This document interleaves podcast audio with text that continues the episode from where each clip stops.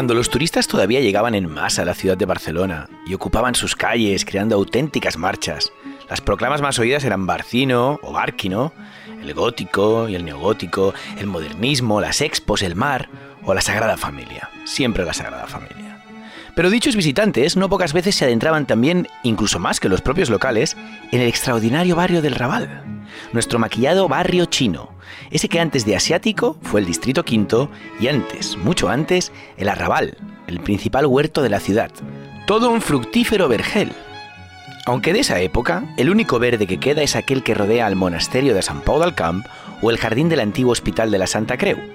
Y ahora, a los vestigios del pasado, la suma de la modernidad. El gato de Botero, la Rambla del Raval, la Plaza del Macba y el Macba, claro está. Excusas no faltan, pero si hay un motivo que trasciende a cualquier highlight visual, es la leyenda que nuestros ancestros iniciaron a principios del siglo pasado y que los guías se encargan de mantener en la actualidad. La leyenda negra de la vampira del Raval.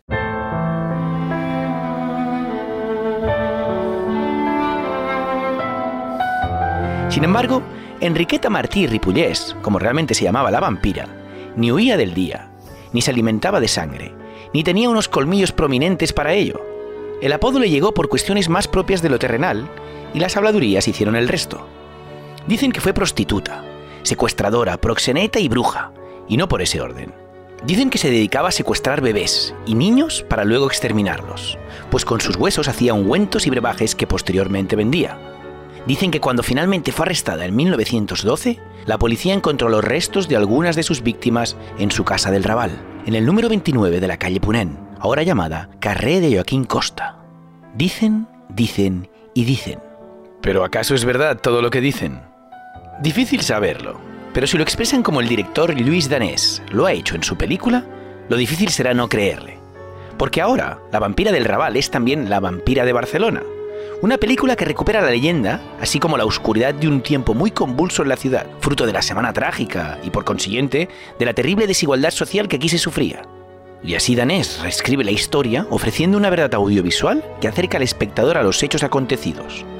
Para ello, el director se sirve del periodista Sebastián Comas, un personaje en la ficción al que da vida el actor Roger Casamayó, quien sospecha de la inocencia de Enriqueta Martí y que no descansará hasta encontrar la verdad sobre las desapariciones de niños de las que se le acusa, recorriendo las calles del Raval y removiendo los secretos que guarda el barrio, en una investigación suicida que nos dirige una y otra vez a un prostíbulo del carrer Vallunsella, donde la miseria económica se da la mano con la miseria moral de una élite dispuesta a ocultar sus vicios a cualquier precio.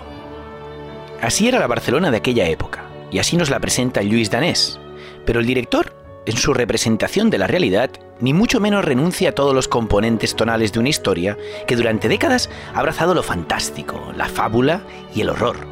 Y por eso Danés ofrece una imagen de la ciudad, principalmente en blanco y negro, que se mueve cómodamente entre las capas del tiempo y la memoria y entre lo circense y lo onírico, como una pesadilla de la que hay que despertar, aunque se queda a cierta distancia de un posible terror gótico catalán. En La vampira de Barcelona, Danés aúna su faceta como documentalista con una amplia experiencia como escenógrafo y director artístico, y recrea la Barcelona de principios del siglo XX en un plató gigantesco, una nave industrial de 5.000 metros cuadrados, difícil de imaginar ante los creíbles adoquines que sostienen la escena. De este modo, el resultado en pantalla supone un grato encuentro entre el cine y el teatro tradicional. Danés trabaja la luz y el espacio de una manera magistral, ya sea en un juego escenográfico de claroscuros impresionantes que apela evidentemente a una sociedad y a una verdad claramente desdibujada recurriendo también a una suerte de sombras chinescas para trabajar, por ejemplo, las transiciones narrativas por superposición, o incluso presentando un flashback en un montaje interior al plano, con un brillante cambio de iluminación de un blanco y negro tamizado al marcado noir de la verdad. Y el color también en lo veraz, no tan solo en la sangre, en la manzana prohibida o en el rojo expansivo de un vestido en la ópera, provocando inevitables comparaciones con Sin City o la lista de Slinder, sino en el prostíbulo, el único espacio mostrado íntegramente en color. Es obviamente la mejor manera de mostrar la opulencia, pero es asimismo el compromiso de un cineasta que sabe discursar con el lenguaje audiovisual.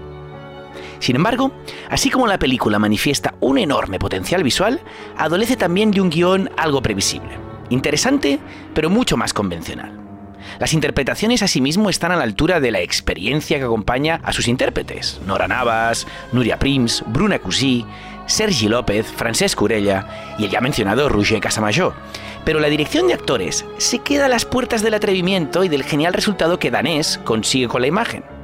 Y paradójicamente, eso es lo que la ha llevado a triunfar.